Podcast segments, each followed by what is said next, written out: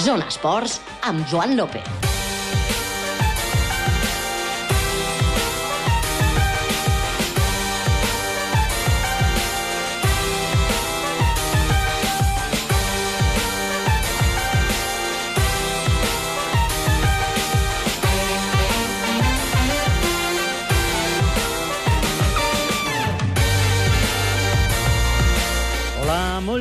Nit. Passen dos minutets de les 8. Comencem una nova edició del Zona Esports a Ràdio Nacional d'Andorra.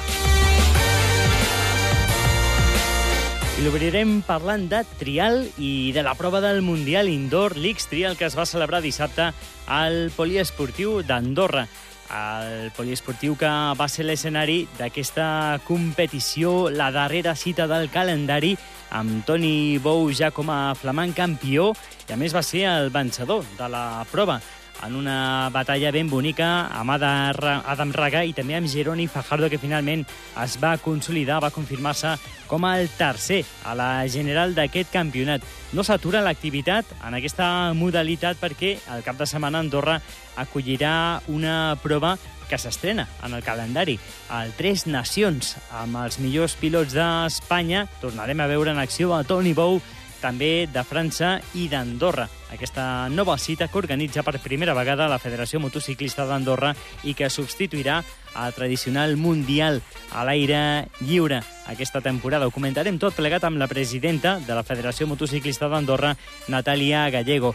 Parlarem de la Lliga Nacional de Futbol i d'aquesta segona jornada del playoff que es va celebrar el diumenge a borda Mateu. No hi ha hagut canvis en les posicions capdavanteres perquè va haver-hi dos empats en els dos partits de la jornada i el Vallbanc Santa Coloma es manté com a líder. Parlarem amb un dels jugadors de l'equip colomenc, Juli Sánchez, que avui és protagonista per partida doble, perquè ara fa uns minuts s'ha celebrat al Comú d'Encamp una recepció al Futbol Club Encamp de Futbol Sala que fa pocs dies es va proclamar campió de la Lliga de Futbol Sala. Així que tenim per comentar amb Juli Sánchez les dues qüestions, la jornada de la Lliga Multisegur de Futbol i també aquest títol que ha aconseguit com a jugador de l'encamp de futbol sala. I escoltarem també a David Jelinek, el jugador del Morabanc, que avui ha parlat de la situació del Morabanc després de la quarta derrota consecutiva dissabte a la pista del Tenerife un Geline que reconeixia que l'equip està cometent moltes errades en els darrers minuts dels partits i que això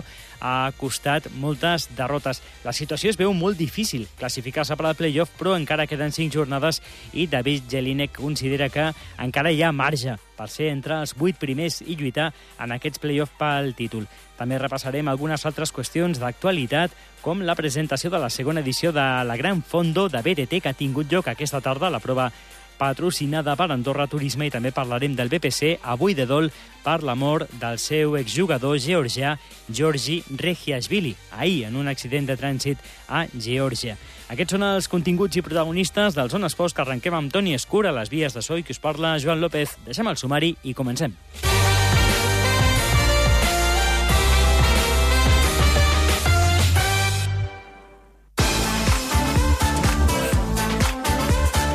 Zona protagonista. Doncs arrenquem sobre rodes i sempre és un plaer saludar a la presidenta de la Federació Motociclista d'Andorra, Natàlia Gallego. Natàlia, molt bona nit. Bona nit, Joan. Vam tenir el dissabte festa eh, del trial amb aquesta darrera cita de l'X Trial al Mundial Indoor amb una molt bona assistència de públic i un gran espectacle. Sí, sí, encara estem en recerca de l'X-Trial, la veritat, molt contents des de la Federació Motociclista, des de la promotora, els pilots, el públic. Realment va ser millor del que ens podíem pensar, tot va sortir rodó, el públic content, els pilots també, i només podem que desitjar que, que es torni a, a produir, perquè realment després de 15 anys ho hem recuperat i ha sortit a la perfecció, moltíssima feina, això sí, però tot perfecte, així que molt contents. Suposo, Natàlia, que, que sempre és una incògnita, no?, fins que arriba el dia a veure si s'ompliran les grades, hi havia una capacitat per a 2.500 espectadors, la prova es feia també en, en directe, es podia seguir per Andorra Televisió i després per Andorra Difusió, i era una mica una incògnita, suposo, fins a darrera hora, no?, si s'ompliria. Sí, sí, uh, hi havia una assignatura d'autògrafs uh, el divendres al Centre Comercial Pirinès, a l'AFNAC. Hi havia aquest trial que no s'havia fet des de fa anys i no sabíem ben bé com aniria, no? quina acollida tindria. Hi havia 2.500 localitats i bé, vam fer gairebé complet. I el més maco va ser l'ambient que es va viure amb aquest pavelló poliesportiu transformat en pista de, de trial indoor. Mm -hmm. Des del primer minut el públic es va volcar, va seguir la, les animacions de, de, de l'speaker, de la prova, van aplaudir, van animar, crec que tots van vibrar a cada zona, algunes eren molt més complicades que d'altres, una molt espectacular que tenia molta alçada i, i realment va sortir un espectacle molt maco de, de trial indoor. Mm -hmm. Si algú es pensava que, que el Toni Bou, que ja tenia el títol a la butxaca, el 13è indoor, doncs es reservaria forces per començar bé el Mundial de, a l'aire lliure, estava molt equivocat, no? Toni Bou va voler doncs, ser el, el rei en aquesta darrera prova, com no, a, a casa seva i, i va dominar, no? Sí, sí, això mateix. Ell no tenia la pressió del que era la competició en si, perquè ja tenia el, el campionat a la butxaca, eh, per tretzena vegada, com bé dius, que és, és una passada. I el que sí tenia és la pressió aquesta de voler guanyar davant de, de, del seu públic, no? la seva casa, els seus amics, tenia aquesta pressió afegida i sobretot volia donar un gran espectacle. I sempre té la pressió dels pilots que venen al darrere, especialment de l'Adam Raga, que l'apreten molt i molt i molt, i ell ho tenia clar, en guanyar sí o sí, i a més a més donant molt espectacle, i, i així va ser. Uh -huh. Ara, el futur, mm, sembla que la voluntat de les dues parts, Natàlia, tant la vostra com dels promotors d'aquest Mundial Indoor, a l'X-Trial, seria repetir, però no sé si han començat, han començat ja les converses o, o com ho teniu ara mateix. Bé, a dia d'avui encara estàvem en tasques de desmuntar el pavelló, teníem problemes amb els camions que havien entrat per França i amb aquesta carretera tallada. Per tant, encara no hem tancat del tot aquesta prova. No hem segut, no, però bueno, tant des de la Federació Motociclista com des del promotor Uh, per nosaltres uh, ens agradaria tornar-hi, de fet que fos un esdeveniment fixe d'aquest campionat, inclús que sigui sempre l'últim, en què hi hagi el podi no només de la prova aquesta, sinó del campionat en si, i a més a més aquest any també va haver-hi un premi especial del promotor, el Toni Bou. Uh -huh. Ho dic també perquè mm, potser la, la propera temporada tornem a tenir Mundial a l'aire lliure i si es repeteix el, el trial indoor tindríem dues cites mundialistes. Sí, però de fet no és incompatible, perquè de fet inclús seria més fàcil que aquest any, que ens hem complicat la vida i tenim dos caps de setmana a tope trial, amb aquest X trial que vam tenir la setmana passada i aquest cap de setmana que tenim el trial Tres Nacions a Sant Julià. Per tant, si aquest cap de setmana ho aconseguim complir, l'any que ve fer indoor mm, més o menys a l'abril i després fer mundial més cap al juny-juliol no tindrem cap problema. Uh -huh. De mhm. fet, ja tenim demanat a la FIM tornar a recuperar el Mundial a l'aire lliure per l'any que ve. En aquest temps de transició fins que torni el Mundial, com deies, us heu complicat la vida amb aquesta nova cita, el trial de les tres nacions, amb els millors pilots d'Espanya. Tornarem a veure a Bou, Raga, Fajardo i companyia, els millors francesos i els millors andorrans en aquesta prova que tindrà molta participació. Ho comentàvem ara fa unes setmanes, Natàlia. Com van els preparatius, les zones, mm, com, com seran, quina dificultat tindran i, i on les teniu repartides? Sí, doncs ara ja estem en ple preparatius d'aquest nou trial Tres Nacions. És una nova modalitat perquè això no existia, però quan vam veure que no teníem campionat del món, vam estar parlant amb el Comú de Sant Julià de Lòria, que sí o sí volia un gran trial a la parròquia, és, és una corporació que ens ajuda moltíssim any rere any, i amb aquestes converses d'ascensor doncs va sortir, per què no fem tres països? I ho de conya, però al final ja ho estem muntant. Uh -huh. I sí, sí, serà un trial bastant espectacular en bona participació, perquè un campionat del món són uns 70 pilots i en aquest cas passaríem dels 200. Uns 100 pilots francesos, uns 100 pilots espanyols i els 40 pilots que tenim de costum al campionat d'Andorra. Això sí, repartits en dos dies, és a dir, que el dissabte tindríem les categories inferiors que farien un trial a la zona de Fontaneda i el diumenge a les categories superiors dels tres països farien el trial a, a les zones de Nahol i del riu de Faucellers. Uh -huh. Apunten zones espectaculars, no? I el que diem sempre, Andorra pot oferir aquesta possibilitat de, de fer zones amb aigua. Natàlia, mm. que suposo que serà un dels atractius, no? Sí, sí, de fet, quan van dir als organitzadors de dos altres països que faríem algunes zones al riu, bueno, és que encara no, no s'ho creuen, estan meravellats de que això es pugui fer a Andorra.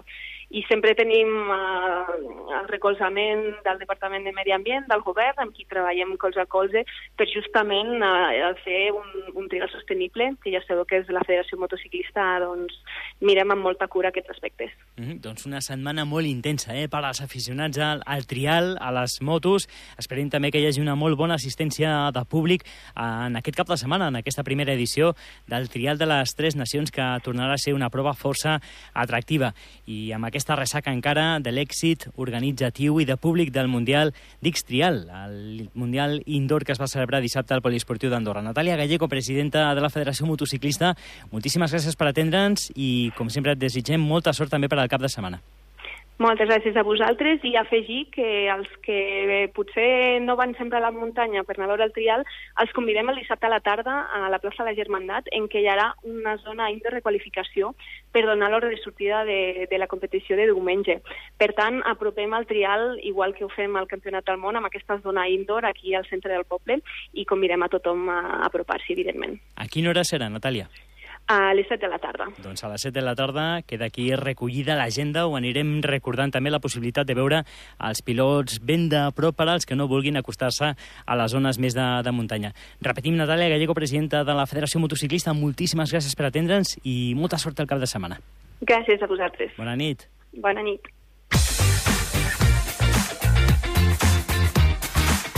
Zona protagonista. Doncs, amica, continuem en directe al Zona Esports. 13 minuts passen de les 8, parlem de bàsquet. Avui eh, volíem recollir alguna impressió dels jugadors del Morabanc després de les valoracions que feia Igor Caixas, el president del club que pràcticament veia ja descartada la possibilitat que l'equip jugui al playoff. Deia que pràcticament doncs, era un objectiu que donava a entendre que s'havia escapat. També fèiem la lectura que això era una manera de treure pressió als jugadors, perquè queden cinc jornades, matemàticament és més que possible, tot i que s'ha de reconèixer que, que és una possibilitat a hores d'ara molt complicada, perquè sí que hi ha una distància entre els equips capdavanters. Hi ha equips que estan en zona de playoff ara mateix, com Manresa i Joventut, amb tres victòries més que el Morabanc, i el Saragossa i Tenerife en tenen dues més, tot i que Tenerife i Joventut tenen també un partit més. Cinc jornades, el Morabanc a Andorra, això sí, no té més marge d'errada i avui hem volgut parlar amb algun dels jugadors. Ha estat eh, David Gelínek, qui ha exercit una mica com a portaveu dels seus companys i eh, li hem demanat sobre aquesta possibilitat si compartien les paraules que eh, manifestava ahir el president del club, del club Gorka Xas. Això ens comentava David Gelínek. Puede pasar de todo, ¿no? Aún faltan cinco partidos con la dinámica que llevamos, que yo diría que no es mala, pero sin victorias. Así que también nosotros queremos volver a ganar para sentirse mejor, para demostrar que somos capaces de, de, de ganar los partidos como hacíamos antes. Así que eso ahora es el primer objetivo y después ya se verá qué pasará. han estat quatre eh, derrotes consecutives, les del Morabanc Andorra. Això sí, cap per més de quatre punts de diferència. Sempre es parla dels petits detalls que acaben decidint els partits. Li hem demanat a David Jelinek per què no s'ha guanyat cap dels quatre partits, tot i acabar amb diferències tan ajustades. Cada partido es un poco diferente, ¿no? Los dos en casa, pues los detalles al final, pocas cosas, ¿no? Los más errores que hemos hecho, pues en los últimos cuartos, que ahí donde más se ve, porque con la ventaja siempre que teníamos, pues era más obvio, ¿no? Perder el partido después. Fuera, pues seguramente en Tenerife la primera parte, que parecía que no, no estamos tan metidos como deberíamos, que en la segunda sí, y después lo demostramos que fuimos capaces de volver. Y en Vitoria, pues ahí diría el rebote, ¿no? Que, que al final son pocos, pocas cosas, ¿no? Pero al final con los pocos puntos que se pierde, pues un rebote o una defensa mejor es más importante y por mala suerte, pues llevamos la racha mala ahora, ¿no? També li hem demanat a David Jelinek pel sentiment del vestidor. Si hi havia decepció, si hi havia ràbia, què sentien els jugadors després d'aquesta situació i, com diem, les quatre derrotes consecutives? Siempre estamos en el partido, lo puede llevar siempre cualquiera, sobre todo los, los, dos en casa, que estamos mejor tres cuartos y a los últimos cinco minutos, pues donde más errores hicimos y siempre fueron capaces de dar la vuelta y eso esto cuesta mucho, ¿no? Entonces yo creo que ahí la gente está está enfadada ¿no? con sí mismo de estos, poco, de estos pocos y pequeños detalles sobre todo. Una darrera qüestió que escoltarem de David Jelinek referida al futur i, com dèiem, aquestes cinc jornades que acabaran de decidir la sort del Morabanc. Què s'ha de fer, què s'ha de canviar per intentar tenir opcions encara de jugar entre els vuit aspirants al títol. Escoltem novament David Jelinek. Intentar competir, luchar todo el partido, sea quien sea, da igual si sea Barça, si sea Breogán, todos tienen sus opciones por, por sus luchas para unos para mantenerse, otros para quedar arriba en los playoffs. Entonces ningún partido va a ser fácil y hay que, hay que estar bien todos los partidos que quieran. Doncs eren les paraules de David Jelinek. Recordem la propera cita diumenge al poliesportiu contra l'Obradoiro a partir de les 5 de la tarda i com sempre en directe per Ràdio Nacional d'Andorra i AndorraDifusió.d.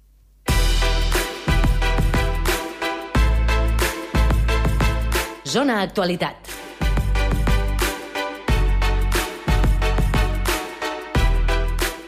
De seguida parlarem amb Juli Sánchez, com dèiem, avui protagonista doble. Amb ell volem comentar la jornada de la Lliga Multisegur del cap de setmana. Demà torna a haver-hi jornada entre setmana de la competició futbolística i també volem parlar d'aquesta recepció que s'ha fet al Comú d'Encamp amb el Futbol Club Encamp, campió de la Lliga Nacional, però abans comentem algunes qüestions de l'actualitat del dia. Ho dèiem abans, el BPC i la Federació de Rugby estan de dol per la mort de l'exjugador georgià Georgi Regiashvili. Ahir es va conèixer la mort del jugador 28 anys en un accident de trànsit. Havia jugat força temporades al BPC, va arribar amb tot just 17 anys familiar d'Otar Barcalaya, també exjugador del BPC, i va deixar el club la temporada 2016. També va jugar força partits amb els Isars i, eh, com dèiem, ahir es coneixia la seva tràgica desaparició.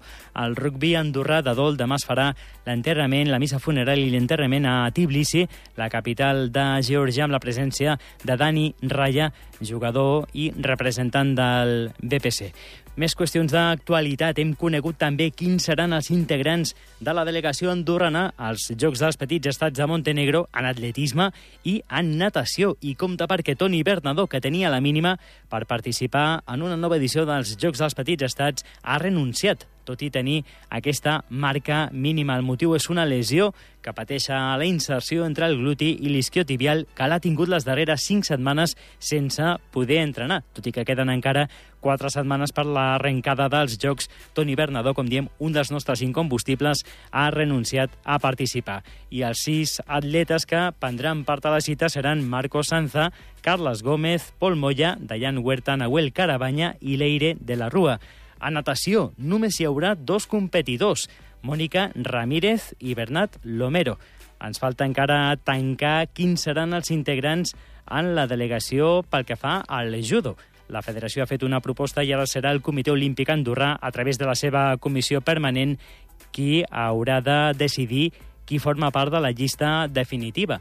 Comptem entre 6 i 8 judoques que representaran Andorra en aquesta nova edició dels Jocs dels Petits Estats. I ara sí que ja podem fer doncs, un càlcul realista del que serà aquesta llista, com diem, pendent encara del judo, però sí que podem ja confirmar que serà una de les més petites de la història. No arribarà als 30 participants. La delegació andorrana, com diem, pendent encara de confirmar qui ens representarà en judo, per tant, una de les més petites de les que ha presentat Andorra en aquesta història dels Jocs dels Petits Estats. Recordem les dates del 27 de maig al 2 de juny a Montenegro. I acabem aquesta repassada de l'actualitat parlant de la segona edició de la Gran Fondo de BTT que s'ha presentat aquesta tarda, prova patrocinada per Andorra Turisme, prova de BTT que tindrà novament com a escenari la cota 2000 de Naturlàndia. Serà el 21 de juliol i l'objectiu és arribar als 1.500 participants. La temporada passada, primera edició, hi van prendre part 1.315 corredors.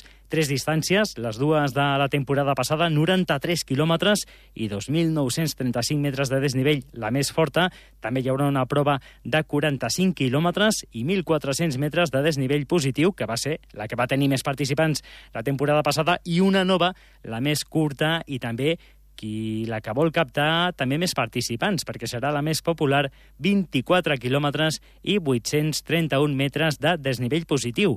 Es pot participar amb bicicleta de muntanya, però també compta amb bicicleta elèctrica. I com diem, es vol doncs, també potenciar aquesta prova des d'Andorra Turisme dins d'aquesta estratègia de potenciar les carreteres i les pistes del país com a territori ciclista.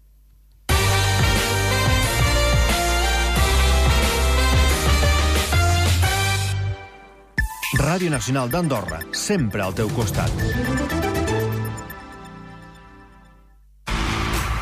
El Moravang Andorra vol esprema les seves opcions. A cinc jornades pel final de la fase regular, els d'Ibon Navarro, a dues victòries del play-off, necessiten trencar com sigui la dinàmica de quatre derrotes consecutives. Diumenge, a partir de les 5 de la tarda, Moravang Andorra, Montbus Obradoiro, en directe per Ràdio Nacional i AndorraDifusió.d. Vol ser el protagonista de la cançó de l'estiu de Ràdio i Televisió d'Andorra? Participa en el concurs del qual sortirà la sintonia d'RTBA d'aquest estiu. Presenta la teva proposta del 29 d'abril al 13 de maig a la recepció de Ràdio i Televisió d'Andorra en horari d'oficina i converteix-te en el protagonista de l'estiu. Consulta les bases a andorradifusió.d. Vaya que rimeja.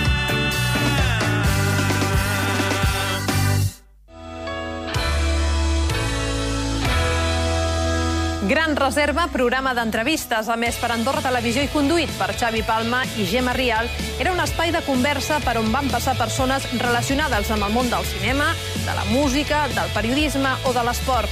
Dimecres vinent, al Memòries d'Arxiu, recuperarem l'entrevista que el programa va fer a l'actor Roger Pera l'any 2007.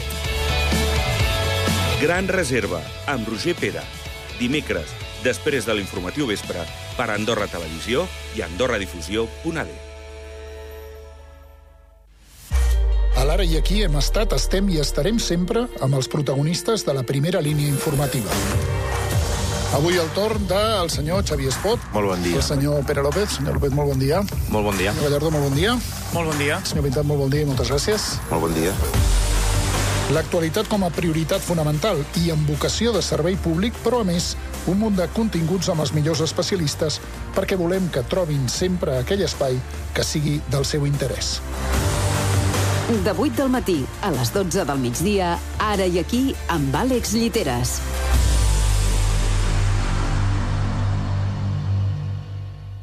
Hola, sóc el Toni, alumne de segona... Som Democràtics és una sèrie de petits reportatges protagonitzats per estudiants de l'escola andorrana. Una iniciativa del Ministeri d'Educació per fomentar els valors democràtics i la construcció d'una societat més justa, oberta, tolerant i integradora. Som democràtics, cada dia després de l'informatiu migdia i vespre per Andorra Televisió i AndorraDifusió.d. Ràdio Nacional d'Andorra és la teva millor companyia. Ràdio Nacional d'Andorra, sempre al teu costat.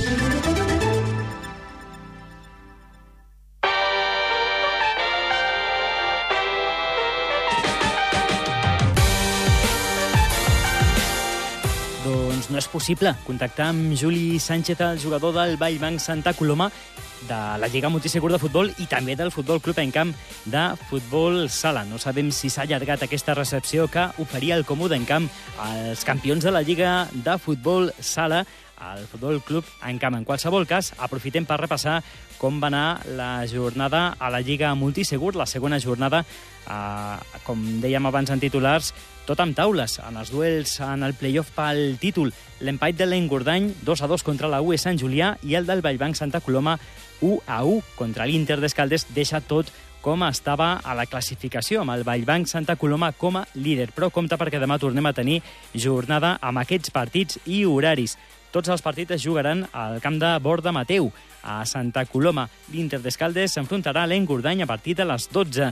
Jugaran a partir de les dues l'Ordino i la UE Santa Coloma, en aquest cas en el playoff per la permanència. Tornem al playoff pel títol a partir de les 4. UE Sant Julià contra Vallbanc Santa Coloma, el clàssic de la Lliga de Futbol Andorrana i tancarà la jornada a partir de les 6 de la tarda també en el playoff, en aquest cas per la permanència, el duel entre lusitans i l'encamp. Per tant, demà jornada festiva, jornada de futbol als camps de Borda Mateu de Santa Coloma.